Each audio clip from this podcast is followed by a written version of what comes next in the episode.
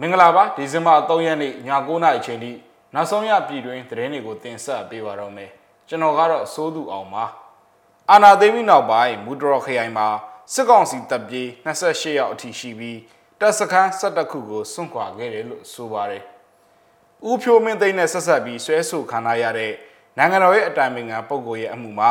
အတိုင်ပင်ခံရဲ့အိမ်အကူကိုတရလိုပြတပ်တွေအဖြစ်စစ်ဆေးခဲ့ပါတယ်ဒီမော့ဆိုမျိုးနယ်တဲ့က ထူလီဘီလာကြီးရွာနဲ့ခြေတော်ရဖျားနာမှာတိုက်ပွဲပြင်းထန်ခဲ့ပါတယ်။လက်ဘနွန်နိုင်ငံမှာတော့ဘေရွတ်မြို့ခံတွေဟာရင်းငွေပွဲရာမြို့ပြဘွားကိုဆွန့်လွတ်ပြီးလေယာလုပ်ငန်းဘက်ကိုဥလဲလာကြပါတယ်။ဒီအကြောင်းတွေပါဝင်တဲ့နောက်ဆုံးရပြည်တွင်းနဲ့နိုင်ငံတကာသတင်းတွေကိုတင်ဆက်ပေးပါရမယ်။နိုင်ငံတော်ရဲ့အတိုင်ပင်ခံပုဂ္ဂိုလ်ဒေါ်အောင်ဆန်းစုကြည်ကိုစစ်ကောင်စီကတီချာဆွဲဆိုထားတဲ့ဥဖြိုးမင်းသိန်းနဲ့ပတ်သက်တဲ့အဂတိမှုတမှုအတွက် ဒေါ်အောင်ဆန်းစုကြည်ရဲ့အိမ်အကူဖြစ်သူဒေါ်ဝေဝေတန်းကိုတရလိုပြတပ်သည့်အဖြစ်ဒီကနေ့ကြားနာစစ်ဆေးခဲ့ကြောင်းရှေ့နေအတိုင်းဝိုင်းနဲ့နီးစပ်သူတွေစီကနေသိရပါဗျ။ရင်းမှုဟာဥဖြိုးမင်းသိန်းကဒေါ်အောင်ဆန်းစုကြည်ကိုအကယ်ဒမီအခောက်ရွှေခုနပိတ်တာနဲ့အမေရိကန်ဒေါ်လာ6သိန်းပေးခဲ့တယ်လို့ဆိုပြီးတရားစွဲဆိုခံရတဲ့အဂတိမှုဖြစ်ပါတယ်။ရုံးချင်းကိုတော့နိုဝင်ဘာ3ရက်မှာနေပြည်တော်ဇဘူသီရိမြို့နယ်အထူးတရားရုံးမှာ ကြားနာစစ်ဆေးခဲ့ပြီးတရလိုပြတပ်တွေအဖြစ်ဥဖြိုးမင်းသိန်းရဲ့အသွင်ရေးမှုဟောင်းဥမမောင်ကြီးကားဒရိုက်ဘာဥဖြိုးကိုကိုဝင်းနဲ့ဒေါ်အောင်ဆန်းစုကြည်ရဲ့အိမ်အကူဒေါ်ဝေဝေတန်းတို့၃ယောက်ကိုစစ်ဆေးခဲ့တာလည်းဖြစ်ပါတယ်အိမ်အကူဒေါ်ဝေဝေတန်းကထွက်ဆိုရမှာဒေါ်အောင်ဆန်းစုကြည်ကယူဆောင်ခိုင်းထားတဲ့ဗုဒ္ဓရုပ်ပွားတော်တစုကိုသာယူဆောင်ခဲ့ပြီးတခြားမြည်သည့်ပစ္စည်းကိုမှမတွေ့ရကြောင်းထွက်ဆိုခဲ့တယ်လို့ ရှေ့နေအဖွဲ့နဲ့နီးစပ်သူတွေစီကသိရပါတယ်ဒီကနေ့မှာတော့ဒေါအောင်ဆန်းစုကြည်ကိုတီချာဆွဲဆိုထားတဲ့အာဂတိမှုတမှုတဲကိုပဲကြားနာစစ်ဆေးခဲ့ပြီးစစ်ဆေးလက်စတခြားအာဂတိမှု၃မှုကိုတော့မစစ်ဆေးဖြစ်ခဲ့ပါဘူးအာနာသိန်းစစ်ကောင်စီကဒေါအောင်ဆန်းစုကြည်ကိုအာဂတိမှု၅မှုနဲ့တရားစွဲဆိုထားတာလည်းဖြစ်ပါတယ်အဲ့နောက်မှာတော့အမှုကိုတရားသူကြီးကဒီဇင်ဘာ10ရက်ကိုပြန်လည်ချင်းဆိုလိုက်ပါတယ်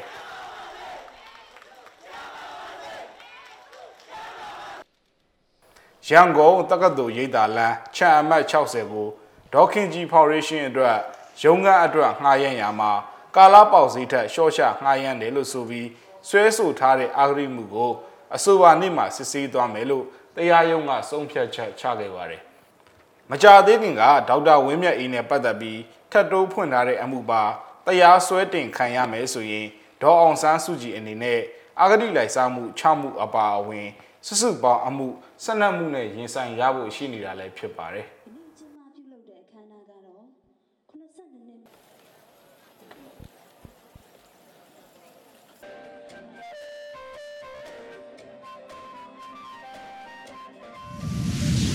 စစ်တပ်ကအာဏာသိမ်းပြီးနောက်ပိုင်း KNU ထိန်းချုပ်နယ်မြေဖြစ်တဲ့တမဟာ9နယ်မြေထဲမှာ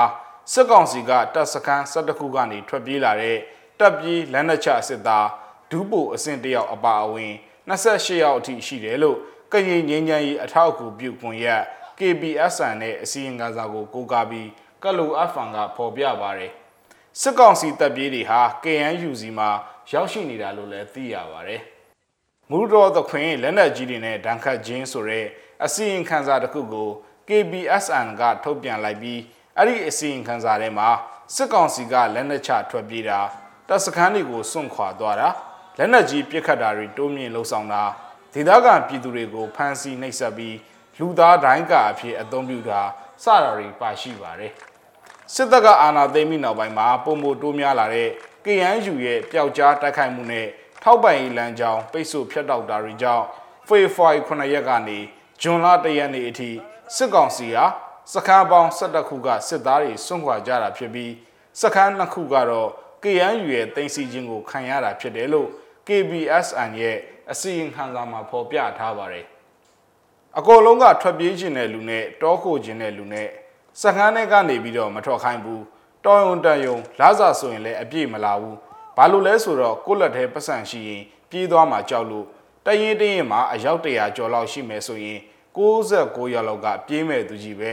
အမိတ်နာခံမှုလည်းမရှိတော့ဘူးဖွဲ့စည်းပုံကနောက်ပိုင်းဆိုရင်ပိုတော်ပြတ်အောင်မလို့စက်ကောင်စီရဲ့စကခရှစ် လောက်ခံခမရ439ကတပ်ပြေးတစ်ယောက်ဖြစ်တဲ့ဇော်လွင်ဦးကပြောပါတယ်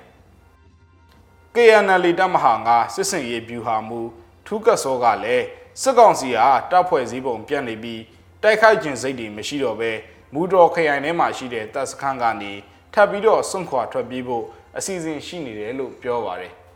စစ်တပ်ရဲ့ဖွဲ့စည်းပုံပြတ်နေတယ်ဆိုတာမှန်တယ်အရင်ကတရင်တရင်မှာအင်အား300ကျော်ရှိတယ် အခုဆိုရင်တရင်တရင်မှာအင်အား80ကနေ80လောက်ပဲရှိတော့တယ်သူတို့တွေတိုက်ခိုက်ခြင်းစိတ်အလုံးလုံးခြင်းစိတ်ယာနှုံးပြည့်မရှိတော့ဘူးလုံးဝပြောရတယ်တိတ်မကြတဲ့အချိန်မှာတက်ပြေးတော်တော်များများကျွန်တော်တို့စီကိုရောက်လာတယ်တက်ပြေးတွေကိုလေးလာရတဲ့လောက်တော့သူတို့တွေကနိုင်ငံရေးကိုနားမလည်ကြဘူးတက်ပြေးတွေအားလုံးလိုလိုကသူတို့နေစဉ်အသက်ရှင်ဖို့အတွက်ပဲအလုံးလုံးကြတာတွေ့ရတယ်လက်ရှိအချိန်မှာပြဿနာတွေတက်လို့ဖာပေါ်မှာရှိတဲ့သူတို့စခန်းတွေကို ထပ်ပြီးတော့စွန့်ဖို့အစီအစဉ်ရှိကြတယ်သူတို့အချင်းချင်းမှာတော့ပြဿနာတွေရှိနေတယ်လို့ KNL တပ်မဟာငါစစ်စင်ရေးဗျူဟာမူထုကစောကပြောပါတယ်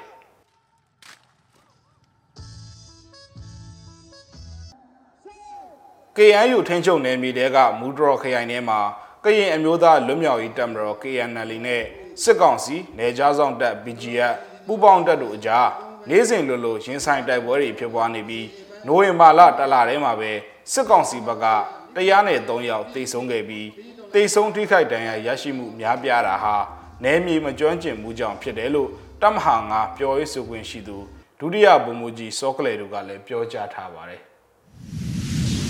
ဆက်လက်ပြီးတော့ကရင်နီပြည်နယ်ကသတင်းကိုလည်းတင်ဆက်ချင်ပါသေးတယ်။ဒီမော့ဆိုမျိုးနယ်တဲက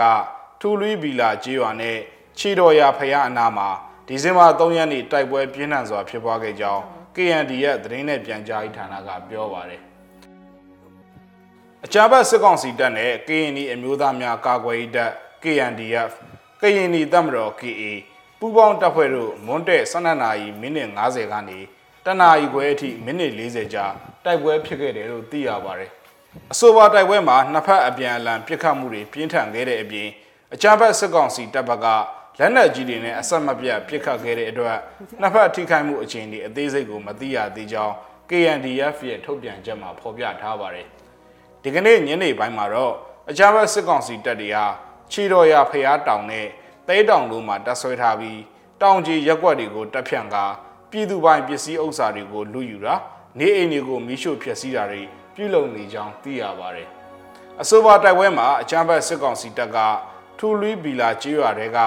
ပြည်သူနေအိမ်၅လုံးကိုလည်းမိရှို့ဖျက်ဆီးခဲ့ကြောင်းသိရပါတယ်။အလားတူပဲဖေကွန်မြို့နယ်အခြေစိုက် KNDF B11 တပ်ရင်းစခန်းနဲ့ခေါင်းဤကျေးရွာအုပ်စုလက်သူကျေးရွာမှာရှိတဲ့နေအိမ်တချို့ကိုဒီဇင်ဘာ၁ရက်နေ့မှာဒုတိယအကြိမ်မိရှို့ခဲ့သေးကြောင်းဒေတာသွင်းမီဒီယာတွေမှာဖော်ပြထားပါတယ်။ KNDF တာဝန်ရှိသူတယောက်ရဲ့အဆိုအရတော့စစ်ကောင်စီတပ်တွေဟာအခုနောက်ပိုင်းမှာ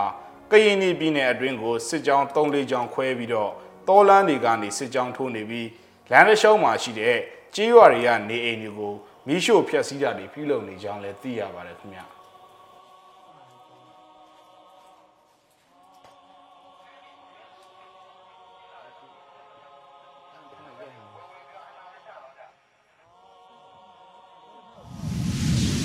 ဆက်လက်ပြီးတော့နိုင်ငံတကာသတင်းတွေဘက်ကိုလည်းတွားရအောင်ပါ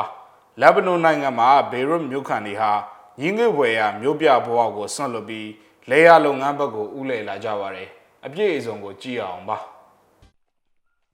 လက်ဘနွန်နိုင်ငံမှာအကြက်တင်းများစွာဆက်တိုက်ကြုံတွေ့ခဲ့ရတဲ့အတွက်ဘေရွတ်မြို့ကန်တွေအဖို့ညင်းငွေစရာမြို့ပြဘဝကိုဆွတ်လွတ်ပြီးနေထိုင်မှုစရိတ်တွေရှော့ချနိုင်တဲ့ဘိုးဘွားတွေနေထိုင်ခဲ့ရာမြို့ငယ်တွေရွာတွေကိုဆင်းပြီးကာလတာရှည်မေ့ပြောက်ထားခဲ့တဲ့လေယာစိုက်ပျိုးရေးအလုပ်တွေနဲ့ငွေလျော်ဖို့ဖြစ်လာခဲ့ပါတယ်။ လက်ရှိလေယာလုပ်ငန်းနဲ့ပတ်သက်ပြီးစေတနာဝန်ထမ်းဖြစ်သူအသက်28နှစ်အရွယ်သူရီယာကအခုလိုပြောပြပါတယ်။ကျမတို့အခုစပြီးစိုက်ပျိုးနေတာကပန်းကော်ဖီနဲ့ကိုက်လန်ဖြစ်ပါတယ်။ကျမအများဆုံးလုပ်ပေးရတာကထောပတ်သီးခူးရတဲ့အလုပ်ပေါ့။ကျန်တဲ့စိုက်ပျိုးရေးအလုပ်တွေကကျမမကျွမ်းဘူးလေ။အရင်တော့ကတော့ YouTube ကနေအပင်စိုက်ပျိုးပုံတွေသင်ယူဘူးပါတယ်။တနေ့တာရှင်တန်ဖို့ရုန်းကန်ရတာလူလဲခြေကုံလက်ပန်းကြတယ်။ဘေရော့မာတော့က ကျမဘာတွေလုပ်ခဲ့လဲဆိုတာပြောတောင်မပြတတ်ဘူး။အိယာထလိုက်အိယာဝင်လိုက်နဲ့လူကနှုံးခွေနေတာမျိုးလေ။ငွေကြေးအရာကျမတို့ကတိတ်ကိုဆင်းရဲသွားတဲ့အဖြစ်မျိုးလေ။အဲ့ဒီငွေကိုဘလို့သုံးရမယ်ဘာတွေလုပ်ရမယ်ဆိုတာကိုမသိတော့တာ။ညဘက်တယောက်တည်းအိမ်ကိုပြန်ချိန်တိတ်မှောင်နေတော့အန်ဒီရယ်လည်းများပါတယ်။အမိုက်တွေဆိုတာနေရာတိုင်းမှာရှိတယ်။လုံခြုံမှုလည်းမရှိဘူးတသက်လုံးကိုကြီးပြင်းခဲ့ရနေရာတခုကိုနဲ့အရန်စိမ့်သွားတယ်လို့ကိုဖြစ်သွားတာရန်လိုနေတဲ့ဒစိမ့်ပြင်းပြင်းလို့ကိုဖြစ်သွားတာလေ ဘေရွတ်မှာမီးဇက်ကကောက်တဲ့လျှက်စစ်ဖိုးကကြောက်စရာပဲအိမ်လာကဈေးချိုချိုရဖို့တစ်ခတ်တယ်မျိုးရဲပြောင်းနေဖို့ရမဖြစ်နိုင်ဘူးငွေလဲကုန်လောင်စာဘိုးလဲကုန်ပဲအစိုးရကဝန်ဆောင်မှုပေးတဲ့ကာယထားမရှိဘူးရင်ကြောတအားကြက်တယ်တခုခုလှုပ်တော့မယ်ဆိုမလှုပ်ခင်မှာအကျဉ်တသန်းလောက်စဉ်းစားနေရတယ်မြေဆိုတာကတော့ကိုလုံနိုင်မလုံနိုင်အမြဲရှိနေမဲ့အရာပဲကိုကလှုပ်အားပေးသွင်းရင်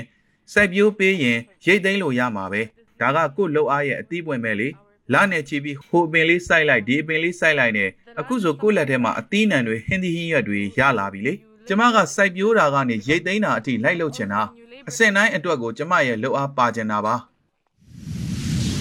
မြစည်းမရဲ့သတင်းအစီအစဉ်ကိုဒီမှာခဏရင်နာကြပါတယ်ကြည့်ရှုခဲ့တဲ့မိဘပြည်သူတူးချင်းစီကိုကျေးဇူးအထူးပဲတင်ရှိပါတယ်ကျွန်တော်တို့သတင်းရည်နဲ့အတူတူပြန်ဆောင်ကြပါဦးမယ်